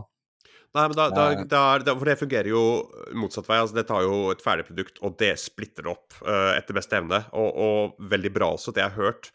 Uh, faktisk et uh, selskap som driver med det her, sånn støyfjerningsselskap, som tok kontakt med meg i forbindelse med denne podkasten her, som jeg burde sjekke ut mer, men det var, da, det, de, de, det var veldig bra. Veldig bra til å fjerne støyen. Beatles ga akkurat en ny låt ut med John Lennon på vokal, som han hadde spilt inn på kassett med altfor dårlig lyd. Men ved liksom maskinlæring, Mm. eh, kunstig intelligens, så kunne trekke ut John Lennon-vokalen, forsterke den, eh, sikkert bruke noe maskinlæring på tidligere John Lennon-spor for å mate den med det. Og, og lage den Ja, hva syns du om låta? Jeg har ikke hørt den, faktisk. Nei. Nei, det var helt grei. eh, Litt forglemmelig. Uh, Ja. Selvfølgelig. Debatten gikk mellom Ja, dette er den dårligste Beatles-låten noensinne. Nei, nei, den er genial. Kanskje Ja, det ikke er noe, noen er- delene. Er det, er det én ting som er forutsigbart, er det at akkurat det kommer til å bli Ja, responsen. ja, det var med 100 sikkerhet visste man det kom til å komme. Uh, disse forskningsprosjektene dine, når du, når du begynner å, å bevege deg inn, hva er det du konkret Hva er det man liksom forsker på, hva er det du prøver å ut av det, og hva er liksom konklusjonen for de av oss som ikke er i forskningsmiljøet? Ja, så eh, det her eh, Min liksom begynnende utforskning av hvordan man kunne eh, lage verktøy som sa mer eh, Gi mer tilbake. Så det er jo også en bit her i de verktøyene. Må du jo lage en modul som på en måte er i stand til å lytte på det du spiller, og hente ut altså så, det som man kaller feature extraction. Så det er et stort felt i seg sjøl. Ja. eh, MIR, Music Information Retrieval. Det er sånn som f.eks. Spotify som nå er kjempeinteressert i. Hvordan hente ut mer kvalitative data, da. Mm. Musikalske data. For tekniske analyser av musikk er annerledes enn hvordan vi opplever det. Det er veldig mange sånn psykoakustiske prosesser og, og kulturelle og emosjonelle ting som er knytta til eh, det å høre på musikk. Så det er jo også en stor bit. Hvordan får du maskinen til å lytte? Mm. Og så er det jo hvordan får du maskinen til å ta avgjørelser, som hjernebiten, på en måte. Det er mer mm. sånn kanskje den tradisjonelle AI-biten. Og så har du hvordan den kan uttrykke seg. Og det er, der er det mer den generative, ja, eller mer moderne maskinlæringsbiten av det. Um, så når vi kom til da Co-Creative Spaces, som begynte i, i desember 2021 um, hvor vi hadde, Det var da fordelt over to femdagers workshops, en i desember og en i, i mai. Uh, og Da testa vi ut litt forskjellige verktøy, men um, vi endte jo opp med et programvare som het Spiremuse, som eh, Notto Telle, min, han som var prosjektleder, og ja, var jeg og han som måtte starta opp og, og definerte prosjektet eh, sammen. Og så hadde vi i tillegg da med Morten Kvenhild, som er veldig anerkjent eh, jazzpianist som har jobba mye med live-elektronikk, og også hadde også jobba i et eh, større sånn forskningsprosjekt, Goodbye Intuition, tidligere, som handla om en, litt av det samme, da, men var mer at datamaskinen skulle være litt sånn black box som skulle sette deg ut på ulike måter. Ja. Eh, og Gyri Kalsa som vokalist og live eh, elektronist og komponist, og da mine og Labdi, som fra Unganisha var også med i det her Ja. prosjektet. Så eh, det var jo også en, en viktig ting å se på litt sånn bias og det flerkulturelle perspektivet og alt det der. Vi kan jo kanskje komme tilbake til det, for det er en stort greie i seg sjøl. men ja, altså det man ser på et sånt forskningsprosjekt er Eller måten vi gjorde det på, i hvert fall, da, var at det var viktig for oss å gjøre det til et kunstnerisk prosjekt i bånn. Så mm. eh, da jeg, Labdi, Morten og Gyrid var på en måte utøverne, som vår fokuset for oss var hvordan kan vi skape musikk med det her, og reflektere på hva det gjør med hvordan vi spiller sammen, og hvordan vi skaper musikk. Og så hadde du Notto, som var mer utenforstående. Han var jo delaktig kunstnerisk gjennom utvikling, men han hadde et mer observatørrolle. Eh, Så han kjørte et slags sånn parallelt vitenskapelig forskningsprosjekt okay. som gikk ut på å analysere på en måte hva som skjedde. Men det var veldig tett knytta oppå det. Så han gjorde mye opptak av samtalene imellom, og hver dag så slutta vi med sånn fok moderert fokusgruppesamtale hvor vi hadde samtaler rundt uh, ja, hva vi hadde vært igjennom. Mye, mye, refleksjon, og som han prøver da å Eller som han har gjort i de artiklene som vi har skrevet seinere, er jo da å prøve å trekke ut noe slags større linjer, eller analysere det fra litt sånn utenfor-perspektiv, som man ikke er så, er så enkelt å gjøre når du er inni det som utøver. Så en av de måte, to hovedtinga vi fant ut i løpet av det, det første, eller den første biten av det forskningsprosjektet, da, som gikk over et halvt år, var at vi skifta ganske kjapt fra å klage på maskinvaren, at den var for dårlig, og hvordan kan den bli bedre og sånn, til hvordan kan vi endre oss. Så det handla mer om at vi må på en måte åpne opp for eh, å gi plass til maskinen, akseptere maskinens estetikk. Altså hva er maskinens forståelse av musikk? Ja. Og, og, litt sånn Hvis man skal spille med maskiner, så er det jo kanskje ikke så interessant hvis den, hvis den høres ut som et bare skal høres ut som et menneske. Det er litt sånn, da er jeg litt usikker på hvorfor man, man bruker maskinen i, i, utgangspunktet. Så det var også en ting som Morten sa. bare Av og til noen av de her verktøyene høres ut som det er trent opp for å skulle være et menneske, og det er ikke så veldig interessant for meg. Ja, det kan være um, interessant for uh, fordi f.eks. For, for meg nå, som bor på et sted hvor jeg ikke har noen å, å starte synthband med, så kunne det vært interessant å ha en sånn uh, virtuell sparringspartner eller en, uh, en, en, assistent, da. En sånn Men Eller en, bare en, en som jatter med meg. en tålmodig Det er absolutt. Absolutt. Og det var jo altså Nottos i det Spiremuse-programvaren som vi videreutvikla, men som ja. han utvikla i sitt eh, ph.d.-prosjekt, var jo nettopp det en, at det skulle være en sånn jam-partner for ja. å spare ut ideer, sånn som man jammer ut ideer på ja. øvingslokalet. Uh, og det her, ja, som han uh, eh, testa jo også, det ble jo Han hadde jo tilfeldigvis ph.d.-en sin under covid, så det ble jo veldig sånn god timing. ja, ja, ja. Uh, nei, så det er jo igjen litt sånn hva er Men det er nest, selv om det, det er en samarbeidspartner, så er det nesten over i sånne verktøyland for min del. At det, er, det, skal utøve en sånn veldig konkret funksjon. Så det som var interessant i det her prosjektet, syns jeg, var at det skifta fra veldig sånn teknologi-verktøysfokus til at det handla mer om eh, Hvis vi anerkjenner det her som en medskaper og tilskriver den aktørskap eller agency, ja. kreativt agency, som, ja, så blir det en, en, annen greie. Og da handler det mer om hvordan vi tilpasser oss og, og gir rom for den. Og på en måte spille med de Det er litt sånn hvis, Praksis, det hvordan foregår dette? Et, interessant etisk her også, ja, at man, man, eh, man tillater seg veldig mye mer fordi at det er en ikke-menneskelig aktør. Det er sånne ting som du aldri ville gjort med en menneskelig medspiller, som jeg vet ikke om det hadde vært bare gått ut midt i en improvisasjon for å hente seg kaffe, eller bare, eller bare overkjørt, eller, eller, sagt at det her er ikke bra nok. Selvfølgelig til en viss grad så kan man jo diskutere sånne ting i menneskelige relasjoner, men hvis, hvis vi nå skal spille sammen, så må jeg jo akseptere at du kommer inn med din estetikk og din måte å, å ja. gjøre ting på. Hvis ikke så er jo det samarbeidet på en måte bare over. Det er jo, eh, Når jeg snakker med ChatGPT, jeg er i overkant høflig når jeg får det prompter til å lage noen bilder i Dally 3 til meg, så er det sånn derre Å, kjempebra, Dally, men du, eh, kunne du Så jeg, jeg, jeg, er i overkant høflig fordi at den er så høflig mot meg at det blir bare uh, discussion. Så det er please og wonderful og, og, og sånne ting. Men, men uh, og uh, jeg vet ikke, det er sånn ja, det er bare en uh, sånn koti. Akkurat som jeg spiller spill, så spiller jeg oftere som nice guy enn å gå rundt og bare drepe kaniner og sivile. Uh, Med mindre det er GTA, kanskje? Det er, det er GTA, jeg har jo testa, og kjørt over et par folk som uh, Men ja. Uansett. dette med Hvordan fungerer det i praksis når du da har en sånn maskinsparings... Hva var programmet du sa at dere brukte, og hvordan fortoner seg i praksis? Bare en sånn konkret anekdote eller eksempel på hvordan maskinen kommer inn med agency, hvordan du lytter til ja. den. Er det bot? Ja. Det, vi kalte det jo en, en bot, ja. Uh, men ja, altså den, den programvaren, den boten som vi uh, brukte, var konkret sånn uh, basert på um, opptak av oss selv. Så det første vi begynte med på den første workshopen, var jo bare å improvisere noen maskin, og så gjøre mm. opptak av det.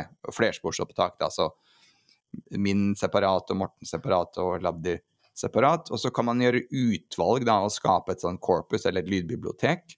Eh, si nå vil vi trene opp en bot som er basert på mine lyder fra forrige improvisasjon. Mm. Og så er det da igjen en sånn treningsmodell i det programmet som, hvor du gjør noen avgjørelse på eh, For den, det den gjør, er jo å klippe opp da, den lyden i mindre fragmenter. Så man kan gjøre en del innstillinger på hva er det minste hva er minimum og hva er maksimumlengde på de her fragmentene. Og så gjør den en del analyse, så, sånn feature extraction, den, prøve å, å, gjøre en del analyse. Og så bruker den da en maskinlæringsalgoritme som heter self-organizing map, som er prøve å på en måte fordele de her lydene i eh, kategorier, så ting som hører sammen, som høres likt ut, ja. er eh, samme sted på det todimensjonale kartet. Eh, så når du da spiller med denne modellen etterpå, så vil den da være i stand til å lytte på det du gjør, og så kan den f.eks. da prøve å finne og gjøre den samme type feature extraction, og da hinte det nærmeste den kommer av den, de lydene den har lagra. Ja. Uh, det er et, eksempel. Det hadde vært kjedelig om den bare gjorde det. Så det er her, musikaliteten til denne botten tror jeg ligger veldig i at den har tre ulike moduser. Den har da det, at den prøver å gjenskape det så tett som mulig på det du gjorde, og så har den en annen modus som, hvor den prøver å gjøre noe litt mer kontrasterende, så den plukker noe fra et litt annet sted på kartet. Ja. Og så har den en modus som det er kalt for coupling, som er egentlig at den bare gjør sin egen greie. Som er kanskje morsomste, hvor den bare driter i hva du holder på med, som jo skjer i, i improvisasjoner med mennesker, at de bare gønner på. Det vil man jo ha. Spesielt trommiser. ja, men det, Du vil ikke ha noen som er så, så høflig hele tida. Den må også bare ha litt sånn Det er da jeg føler at den har på en måte ordentlig agency, er når den bare turer på og gjør sin greie. Det er, det er jo fett. Det er det jeg får mest kick av. Ja. Eh, men at den ikke Altså at den veksler, og den fjerde modusen er en slags metermodus hvor den automatisk hopper mellom de her ulike modusene, basert på en del eh, algoritmiske avgjørelser, hvor den også lytter på det du gjør i ulike tidsvinduer. Så veldig sånn kort på notenivå, på en måte, og ja. litt lengre frasenivå og sånn. Um, så den opplever Når du gir den på en måte plass, så oppleves den ut til å være ganske uh, musikalsk. Og så er det jo både det fine og det dårlige er at all lyden den gjør, er jo lyd som vi har lagd selv. Så ja. det, det, gir jo en sånn nærhet til materialet, men det gjorde også at det, tidligere så ble det vanskelig å skjønne om det var Botten eller meg eller Morten. Eller, altså, ja. Hvem som spilte det her? Det, spiller jeg det live, eller er det en Botten som spiller mine lyder? Men det høres ut som en kunst begrensning, eller høres ut som en begrensning som er lett å oppheve. Det er jo det er bare å gi den tilgang til et større musikkbibliotek og, og si forholde deg til dur og, og takt, og, men så gjør du hva faen du vil. høres ut som en mulighet innenfor den programvaren her. Ja, altså man kunne bare lasta ned vi, vi, prøvde jo for så vidt det å lage litt sånn vi hadde egentlig en idé om å bruke det sample RNN-biblioteket som jeg snakka om, for ja. å lage på en måte At det fortsatt kunne være basert på våre lyder, men at den genererer nye lyder. Så det er ikke akkurat de samme lydene. Uh, men ja, det var jo tidsavgrensa prosjekt, ja.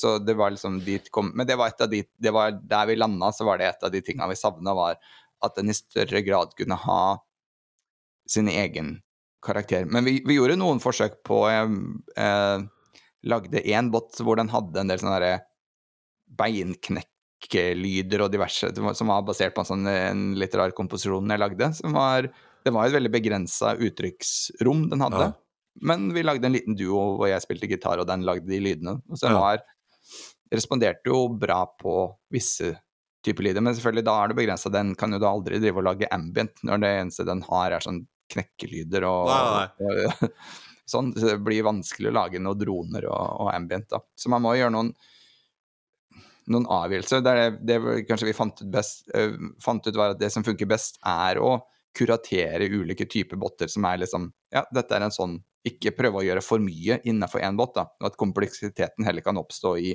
at man kan bruke flere båter, eller at man har, setter sammen ulike konstellasjoner rett og slett. Så det var jo den, en, annen, en, annen, ting som skjedde i løpet av prosjektet, var at vi gikk fra et mer sånn tradisjonell, eller vestlig, vil jeg si, fokus på liksom form og musikk som objekt, som en sånn ting som, skal, som skal bli noe, til musikk som prosess, som er bare noe som skjer, som eksisterer.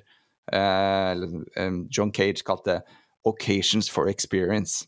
Det er bare ting som oppstår. Og det er jo det er noe fint med det, for musikk er jo naturlig flyktig. Det er jo Uansett om du holder en vinyl i handa, selvfølgelig Nå, har jeg, nå er musikken liksom objektifisert, og nå er den her, mm. men den er jo ikke det før du setter den på vinylspilleren og spiller den. Det må jo oppleves, på en måte.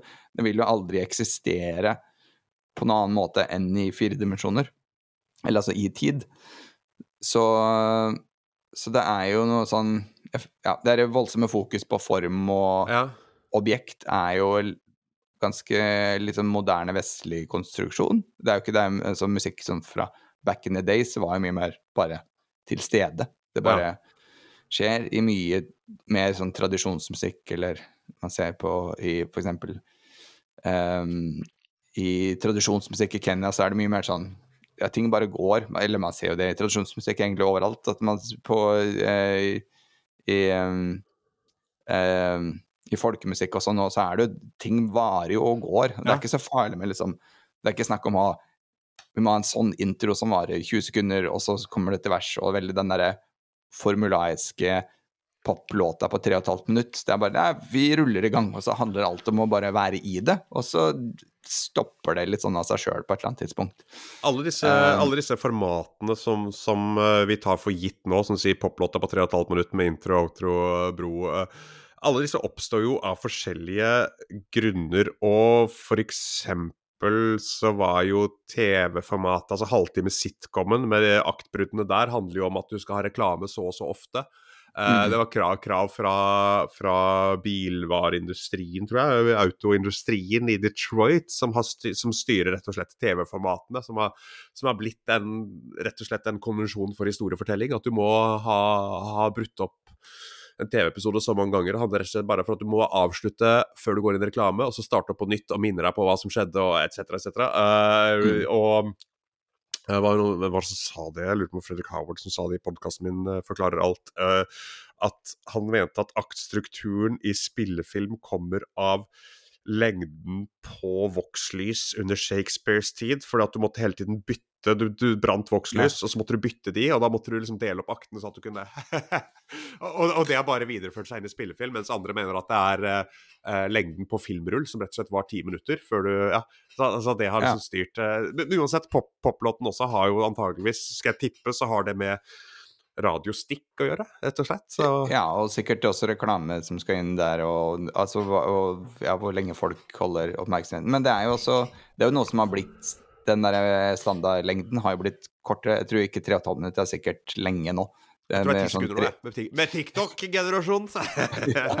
Nei, men det er jo Cannibal Corps er ikke de som kun har sånn 30 sekunders låter eller noe sånt? Eller jo, jo. 31 da, for å få en avspilling på Spotify. ja, nei, det er jo Det er veldig interessant. Det, og, og CD-formatet og lengde på CD var ja. jo basert på at det skulle være lang nok til å dekke en innspilling av favorittsymfonien til direktøren i Sony. Ja, nettopp. er sånn 74 minutter. Det var jo veldig rart tall. Men Spotify har jo endra måten musikk eh, høres på også. At du må, du må treffe mm. refrenget fortere. Du må bare gå kjappere på, rett på sak. Eh, det er bare en videreføring av radioformatet, føler jeg. Altså, det, sånn, det, har vært det der, Den chasen har vært i sikkert 40-50 år. Det er bare sånn ja. man, må, man må Du har ikke tid til en, en lang intro. Eller det var kanskje litt mer varierende før. At man hadde som 80- og 90-tallet så var det litt mer rom for popmusikk som hadde enda mer alternative eh, strukturer og lengder og, og sånn. Så. Ja, det var vel da det begynte å, å, å, forme seg til. Men altså på 70-tallet så hadde du jo altså de der eh, konseptalbumene og prog-albumene. Mm. Altså høre til Rush-album, høre Captain Crimson, hører uh, Pink Floyd.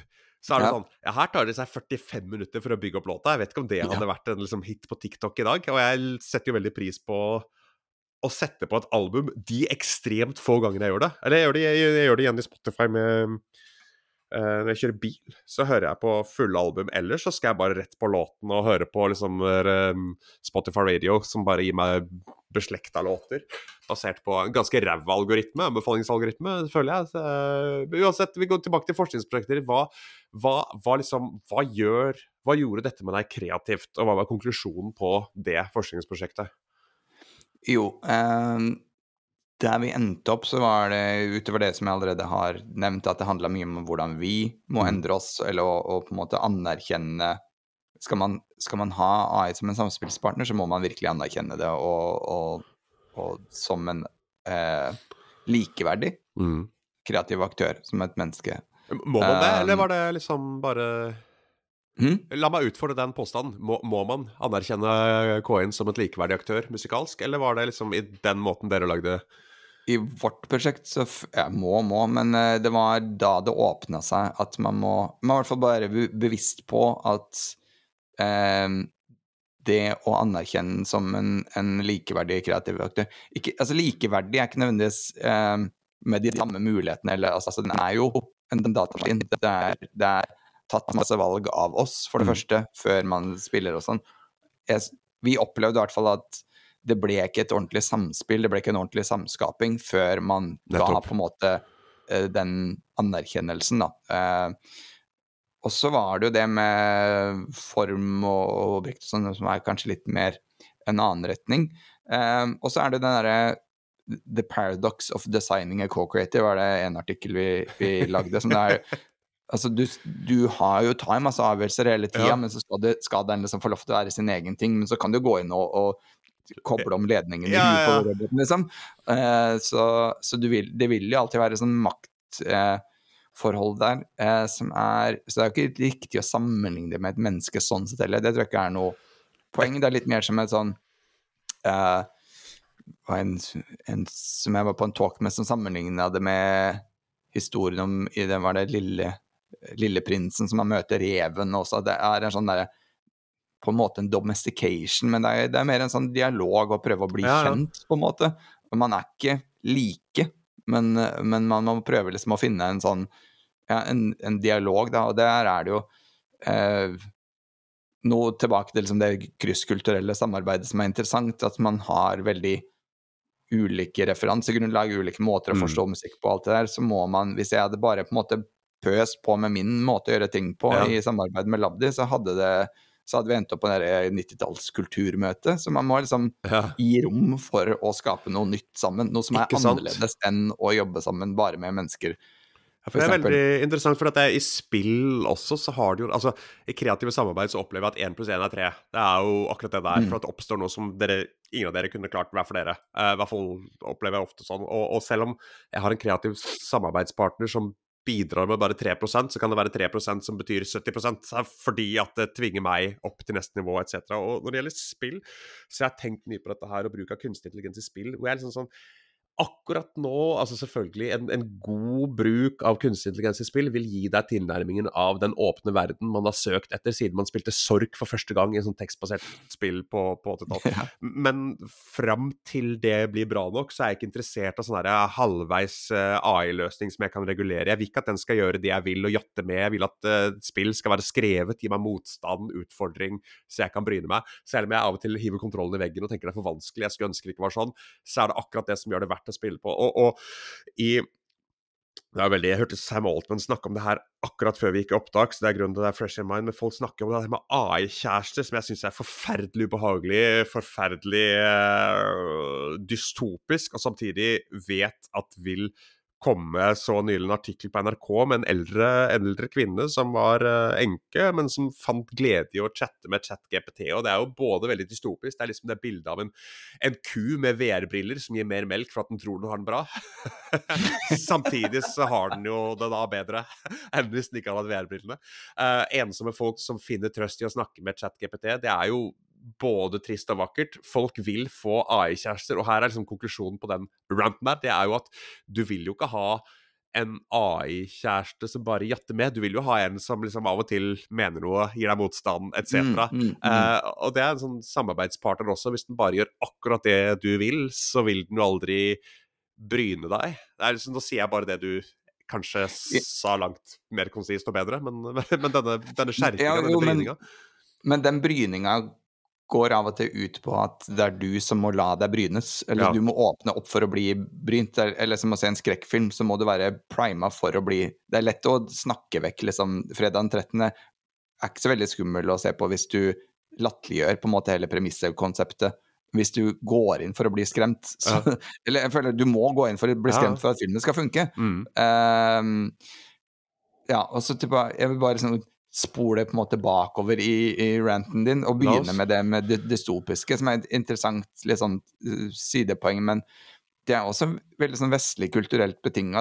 Vi er jo oppvokst i en verden hvor det er, liksom, hvor det er på en måte James Cameron som har satt standarden på hva AI er. Det er veldig sånn eh, macho, eh, AI-en er skummel og robot å ta over verden, og det er på en måte synet vi er eh, prima med gjennom populærkulturen.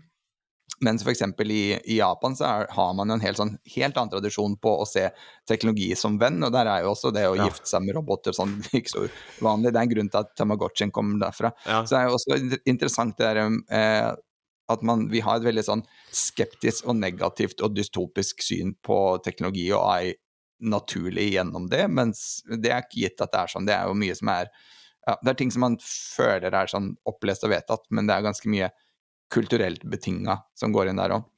Så til det du snakka om i starten, med der 1 pluss 1 blir 3 og, og kreativitet sånn, det er kanskje det, den store ting jeg sitter igjen med etter det prosjektet, selv om det på en måte også var fundamentet for prosjektet. Derfor vi kalte det co-creative spaces. Det handla liksom om det samskapende rom og hva som skjer inni her, og at det handler om relasjonene. Eh, og det er jo sånn vi, vi, henger jo fortsatt i hverdagen veldig igjen i en sånn idé om kreativitet fra som renessansen og opplysningstida, om det er opplyste individet og det ensomme geniet og, og sånt noe. Det var jo det var jo sånn man så på det da, og det tok jo over fra Før det så var det jo sånn Ja, det var Guds benåda gave, ja. men det var fortsatt i, i individet. Og så har vi nå da et økonomisk system som er basert på at man, man kan eie ideer, som at det er liksom en sånn Dette er min idé, utelukkende. Ja. Samtidig som jo da Det er lenge siden man har fått ganske mye liksom, filosofisk og, og, og teori, eh, teorirammeverk rundt å se kreativitet som en relasjonell egenskap, eller fenomen, som oppstår i møter mellom mennesker og omgivelser. Mm. Sånn actor network theory, for eksempel, er en ganske kjent eh, teori der, men det finnes mange andre måter å se på det. Er, Og jeg tror vel det er på en måte det rådende synet innen filosofi, er at det er sånn det funker. Eh, men i spesielt da opphavsrett og åndsverk og sånn, så er det veldig, henger det igjen i Veldig mye av lovverket vårt er basert på en gammeldags forståelse av kreativitet. Så er det noe som jeg virkelig har Som ikke bare er um, redusert til uh, å jobbe med, med AI og, og, roboter og algoritmer og sånn. Uh, det er på en måte bare vært katalysatoren som har fått meg til å virkelig liksom innse ting som jeg egentlig har, tror jeg har tenkt ganske lenge, men ikke så eksplisitt og blitt så bevisst på det at, at jeg må på en måte jekke ned mitt, mitt ego, da. Og, og, at er, jeg er bare en, en brikkespill og anerkjenner at de her tinga oppstår i, i, i rommet mellom ja. meg og andre personer, men også rommet mellom meg og Aberton Live eller gitaren eller hva nå enn det er. Så det er igjen der, den, det relasjonelle er ikke bare mellom mennesker, men det er også mellom mennesker og ikke-menneskelige ja. enheter. Um, og den, jeg tror den der Uncanny Valley av AI som er litt sånn et sted mellom et dødt objekt, tilsynelatende, og et, et aktivt menneske, mm. på en måte trigger den, den, uh, den tankerekka mer Eller den gjør den mer, mer eksplisitt på et eller annet vis. Um, så det har blitt liksom min store det er min, min fremtidige kjepphest. Ja. Også i, der, i, i, snakk nå om at vi må regulere AI og, og skaping, og er det riktig at Midjourney er liksom trent på masse deviant art, og så får ikke de noe penger for det og sånn. Så det er problematisk, men jeg tror det baserer seg på at vi, vi må rett og slett sette oss ned og retenke hva kan være nye, mer moderne modeller for åndsverk, og hvordan man på en måte eh, tenke pengestrømmer i alt det. For det er jo Selvfølgelig så er det jo liksom Det er jo Som kunstnere så er det jo det vi får penger fra, er jo at vi Eller mye av det vi får penger for, er jo at vi har åndsverk som vi da mm. får eh, penger for at folk har hørt på eller opplevd på et vis. Eh, samtidig så er det jo også veldig problematisk at hvor mye makt som ligger i på en måte hos initiativtaker.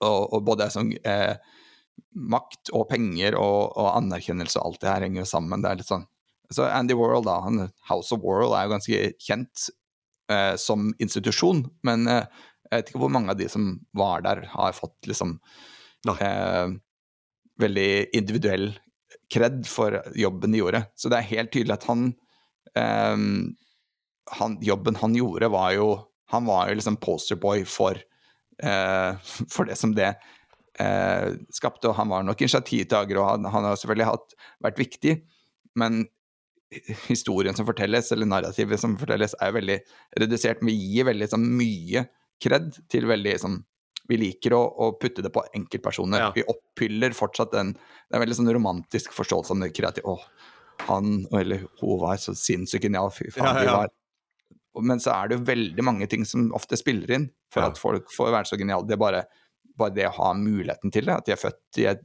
land eller et sted som gir dem mulighet til å kjøpe sin første gitar, eller ja. få det støtta, få lov til å gå på kulturskole, eller hva det nå enn er. Eh, å være i Møte de riktige folka på riktig sted, at eh, de riktige folka hører deg, eller gir deg mulighet til å få ditt første din første låt blir spilt på rad, eller du får din første konsert, eller eh, sånne ting, da. Så det er jo Jeg tror det er litt sånn vi må jekke oss ned. Ja, ja og det, jeg, det, jeg, har også kommet til den konklusjonen der, og, og, og, det krever jo litt, fordi at jeg jobber jo også med Jeg har i store deler av mitt yrkesliv blitt betalt for ideene mine. Og, og utførelsen av de. Men, og, og, jeg tar jo veldig eierskap til det. Liksom, det her var meg som kom på den. Og, det er liksom viktig, for at med en gang folk har tatt en idé fra meg og brukt den Det har skjedd ved, ved to anledninger liksom, at jeg har pitcha en idé til eh, TV-selskap, så har de lagd den. Og så, og Jeg har det svart på hvitt at det var min idé, men samtidig sånn, ja, det var flere som hadde ideen samtidig. Og, og det første jeg tenker der, at for noe bullshit. Jeg har sagt det, og så har de bare tatt eierskap til den ideen. Men andre så, ideer oppstår ikke i et vakuum. Jeg har jo flere ganger opplevd selv at andre, at plutselig kommer en TV-serie seks uker etter at jeg kom på ideen, eller to dager etter. Dvs. Si at jeg kan ikke ha påvirket den. Det har bare oppstått samtidig, for vi har alle de samme kulturelle impulsene. Vi har alle de samme innflytelsene. Vi ser de samme tingene, vi hører de samme tingene, vi lever i den samme kulturen. Og, og kreativitet er ofte en syntese av eksisterende ideer, pluss eller kjørt gjennom den fuzz-pedalen som er din egen personlighet, eller lagt til noe som finnes bare i din, ditt unike DNA, men samtidig Mer fuzz i personligheten. Ja. Nei, så jeg tror også og, og, og hvis jeg Uh, lager synthwave-musikk som er min, så er den basert på veldig mye jeg har hørt. Veldig mye instrumenter som er utarbeidet av andre. Veldig mye etablerte skjemaer, da. Enormt mye. Det var jo, og det er jo Og det kan man jo gjøre. Den, man kan jo dra den argumentasjonen at, at uh, OpenAI Jukebox eller Dally eller Midjourney er kanskje ikke noe annerledes enn hvordan vi skaper. Vi har sett på liksom Vi har sett alt av Picasso har gjort, og så lager vi vår egen uh, ja. tolkning av det. Uh, det. det. er jo en diskutabel argumentasjon, men det er i hvert fall noe der som jeg er, der, altså. og... enig i. Jeg, jeg tenkte på det med vakuum. Da jeg leste noe om hvordan Einstein kom opp med relativitetsteorien, var jo heller ikke et vakuum. Det hadde også med å gjøre med at han kom for eksempel, levde sånn når toga kom, og han fikk problemer med at man, okay, man, vi må ha tidssoner. Mm. Før så var det jo bare sånn Hele sånn tidssoneideen kom jo da, fordi man måtte ha eh, togtabeller. Før ja. så var det bare folk hadde sin, følt sin egen tid på sin egen plass. Så eh, det er sånn, han hadde antakeligvis ikke kommet opp med relativitetsteorien hvis ikke det hadde skjedd. Hvis han ikke hadde levd på den tida. Så definitivt ikke et vakuum. Nei, definitivt ikke vakuum. Og, og, jeg tror også vi må Altså, eh, jeg ser jo det f.eks. Jeg har jo brukt Og det føles skittent å bruke ChatGPT. Jeg bruker den ikke som assistent til skriving. Eh, både fordi at jeg føler at den gir noe som er veldig generisk, men også fordi at det føles skittent. men det jeg bruker den som, er å spare F.eks. jeg bruker den til korrektur. Mye bedre korrekturverktøy enn Word. Og den gir meg også Jeg, jeg hadde et dikt i tegneserien min i uh, dag morges som jeg kjørte inn, og så sa jeg hei, gjør det her litt bedre. Og så ga den tilbake noe som traff bedre på meteret, da. Som ikke brukte nødrim i en Altså ørliten Altså, den gjorde det 15% bedre, rett og slett. Uh, og når jeg også skrevet en sitcom-idé som jeg mata ChatGPT med, så sa jeg kan du gi meg noen flere premisser? Her er liksom ti premisser til episoder, kan du gi meg noen flere? Og så ga den meg ti stykker, og to av de var sånn Oi, her er det noe jeg kan bygge videre på. Og de ideene oppstår heller ikke et vakuum, det oppstår for at den kjenner alle sitcom-episoder som noen gang er skrevet. og det var også ja. min store fordel. Grunnen til at jeg føler at jeg kom på relativt gode sitcom-ideer, var at jeg har sett 10 000 timer med sitcoms, så jeg kjenner tropene. Og jeg kommer på noe som er originalt, som kanskje ikke er lagd før, men det har liksom litt slettskapt den ene Step by Step-episoden jeg så i 89, og en Simpsons-episode jeg så i 98. og liksom, Man kan ikke nødvendigvis tilbakespore de innflytelsene gjennom det, men det ligger i den der blenderen som er uh, min hjerne og blir kjørt i. Altså, ja, det anerkjenner sier egentlig bare det samme nå, men, men ja, det, det å jekke seg ned er litt tungt for en skapende person, men også ganske frigjørende. Og jeg syns det er fint, altså. Det, ja. det, det, det, kan ta et mer et steg tilbake og litt sånn Ja, og så er det jo Når du får det til, så er det litt sånn Det er så kult å se hvordan Altså hvordan nye ting oppstår, da, når ikke du prøver å detaljkontrollere. Det er, jo, det er jo litt kjedelig å skape hvis du allerede vet hva som kommer til å ja. komme ut på andre sida, på en måte. Ja. Uh, det var uh, Jeg husker jeg var på en sånn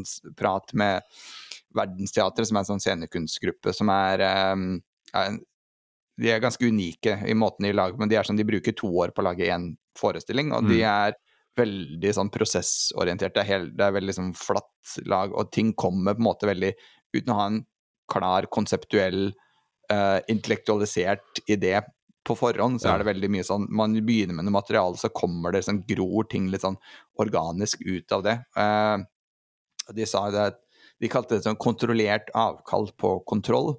Og de mente at prosessen var så mye smartere enn dem. Ja. altså den der eh, store greia. Så det var bedre å la prosessen eh, ta avgjørelsene, på en måte kontrollert avkall på kontroll er, eh, det er noe det, det likte jeg veldig godt.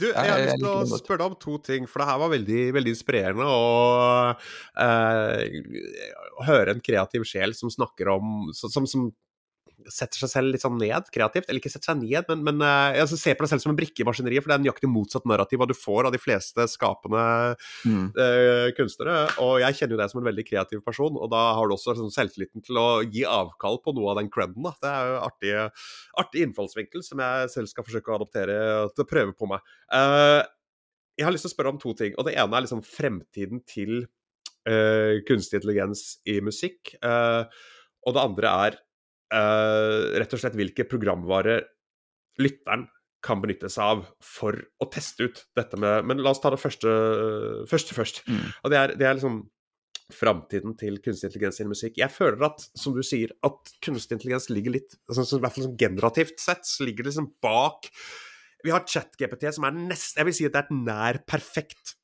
samarbeidsverktøy når det kommer til programmering. Der er det kommer det til fulle rett. Og så er det sånn litt dårligere når det kommer til andre ting, men virkelig eh, på vei. Vi har de, de fusjonsmodellene for billedskapning, som også er fryktelig imponerende, men når man har brukt de i et års tid, som de fleste av oss har gjort nå, så ser man litt gjennom det og ser eh, svakhetene. Musikk ligger, i min erfaring, milevis bak. Ja, Hvorfor? Altså jeg tror det første er vel at musikk må liksom uh, ja, Som du sa, uh, vi er lei Midjourney og Dali, og det, var, det er veldig sånn novelty-effekt, ja. og så blir man litt sånn ja, det var ikke så spennende lenger, hva kan jeg egentlig bruke det til? Ja. Men, og der begynner man allerede å se som hva det leder til, med sånn generative fill f.eks. i Photoshop. Som bare, nå er det plutselig et veldig nyttig verktøy. Ja, sett, sett, inn en uh, eh, ATNT på, på Hardangervidda, ja. bildet mitt der, og så oi, perfekt, så er det liksom uh, Star Wars er tilbake i Norge. Uh, på musikk så er vi liksom ikke der at vi har kommet til den der mid-journey-biten ennå, og man er kanskje litt mer redd for Jeg vet ikke, Music LM av Google, de, den er fortsatt ikke åpen tilgjengelig. Jeg tror man kan, man, man kan, signere for en beta, men ja. det var blant annet sånn for der er det sånn, du kan skrive inn fast-paced arcade game, bla, bla, bla, og så kommer det ut noe som høres ja. sånn ut. Det er jo ikke veldig spennende musikalsk, men som sånn bakgrunnsmusikk, så har det sikkert et, uh, en funksjon, eller man genererer gratis contentum, eller whatever. Ja. Uh, så jeg tror for musikk så må man først opp dit til liksom mid-journey, ja. og så må man bli lei av det. Ja. så tror jeg framtida for, for alt, alt kreativ bruk av av AI er Én retning er da sånn det Photoshop-eksempelet, som er veldig sånn konkret. Det er bare et nytt Der er vi veldig på verktøy igjen, da. Bare et kreativt verktøy, ja, men mm. et mer sånn verktøy konkret bruk. Og så er det det andre som jeg tror kommer til å Det er hvor man kan se liksom kunstnerisk nyskaping med denne teknologien, er at man går vekk fra de der gigantiske modellene, som er litt sånn uh, Det er jo ikke så interessant å lage noe som er en sum av 2,5 millioner poplåter. Det blir jo liksom med. Er det ikke det som er eh, pop? Sånn, det, det er jo på en måte det, men det, sånn, det ble vel gjort noen analyse av sånn de, alle liksom, topplåter fra Billboard de siste 20 årene. Ja. Så, er det sånn, Hvis musikkteoretisk analyse av det, så viser det seg at det følger jo en oppskrift ganske tett, ja. mens clouet er at de bryter det i ja. liksom 5% eller 10% eller hva enn det var.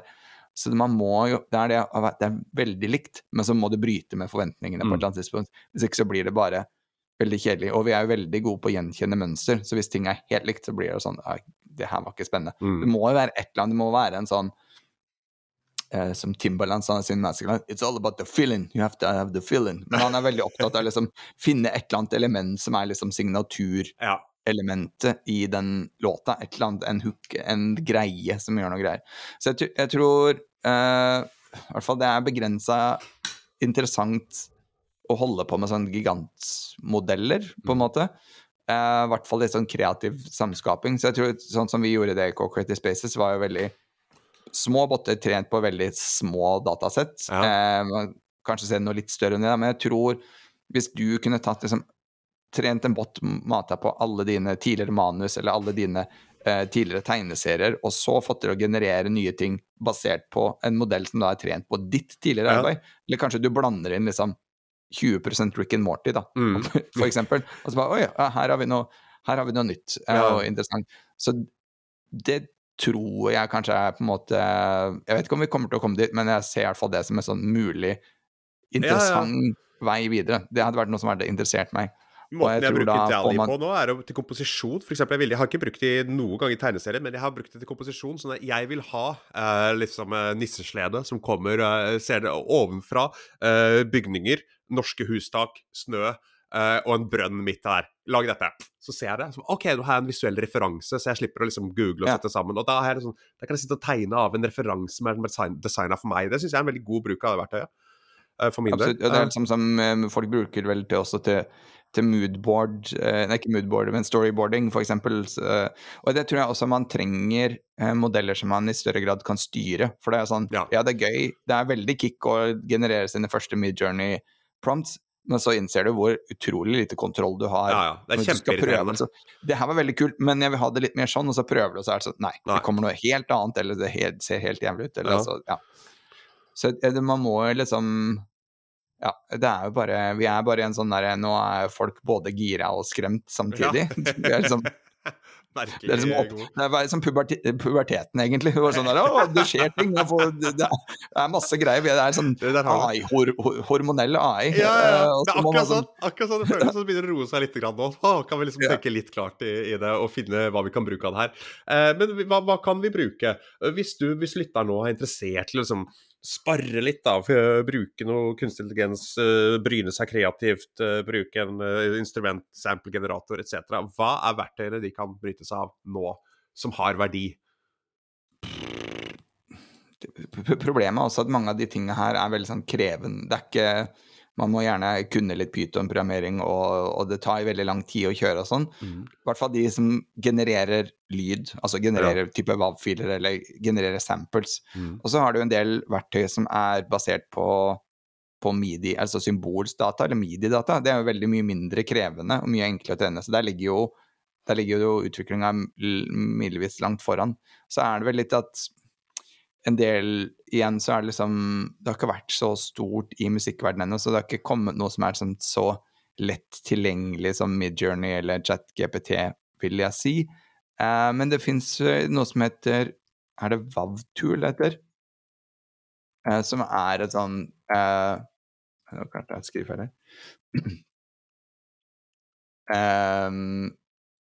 ja, det heter vel Vavtool.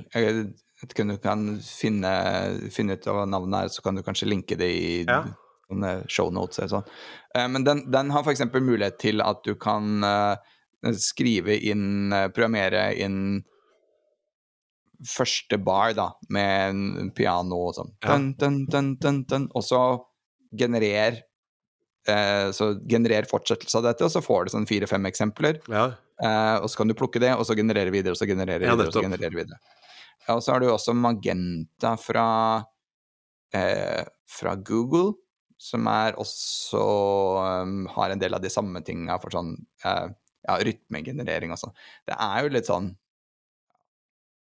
litt mer leketøy enn Ja, det er ikke bra nok ennå. Det er som bildegenerering var for fire år siden, på en måte. At du, du kunne sånn derre Her, tegn et omriss av en katt, og så fyller du den med sånn slags kattepels, og, og, så kan du dele det på Facebook i lav oppløsning, og så ler folk litt, og så blir du drittlei etter to timer. Ja, det er sånn Det, det ser ut som det er noe værhår og noe øyne, ja. det ser ut som det er sånn Picasso har spist en katt og spydd opp uh, via Dali. Altså, ja. Det ser jo helt grusomt ut. Ja, uh, ellers er det det nye Det meste som cutting edge er vel mer på sånn effekt Altså sånn, sånn med effektprosesseringsfronten. Du har DDSP fra Google, som er Altså heter det klangfargetransfer. Det vil si at man kan ha modeller som da tar Du kan synge inn, og så kommer det, og så prøver han å få det til å høres ut som en trompet eller en fiolin. Ja. eller sånn. Du, det der er artig. Jeg har sett der noe sånn der Hva er det det heter for noe? Uh, jeg har sett noe verktøy, for jeg skulle ønske det fantes på mobil. At du, du, kan synge, og så får du en trompet. Ja, akkurat, akkurat sånn det det, det verktøyet der syns jeg er interessant, bare sånn voice to midi. Eh, bare for ja. Det gjør jo ikke noe du ikke allerede kan gjøre, det bare gjør det raskere tilgjengelig. Og jeg føler vi, vi står på tersk. Vi er ett år unna at musikk løsner, føler jeg. På, og, ja. og, og, det jeg tenker som kunne vært artig, av sånn musikkverktøy, det er at jeg som ikke kan synge, men kan gjenkjenne uh, når ting klinger, uh, til en viss grad, kunne tenke meg å kunne synge inn i mikrofon, og så få en uh, nydelig kvinnevokal ut i andre enden, som jeg kan klippe inn i, i låta mi, istedenfor å måtte betale en artist. Som jeg selvfølgelig ønsker å gjøre, men jeg bare sitter og lager musikk for meg selv. uten ressurser, så kunne jeg tenke meg bare ja, nå kan jeg tenke meg å ha noe pen vokal her uten å måtte betale en dyktig sanger 25 000 kroner og leie et studio, ikke sant. Altså, det, det er et eller annet der. Det kan jeg tenke meg. Der er vi, der er vi vel nesten. Så det, må, nesten, det må fortsatt være to Du bør vel ha Man må sikkert da først ha noe autotune for, liksom, for pitch-korreksjonsbiten, ja. og så kan du gjøre, bruke noe sånn transfer, timber transfer, som det heter, ja. eh, modell. Enten da DDSP eller noe som heter Rave eh, fra, fra Irkam, som er eh, det er samme konsept, på en måte bare litt annerledes. Altså de har litt ulike svakheter og, og styrker. Men det fins en, eh, en um, plug-in fra noen som heter uh, Er det no, Noitone? Tone? Noitone? NEU Tone. Uh, som, har, som er en VST-plugger man kan laste ned gratis.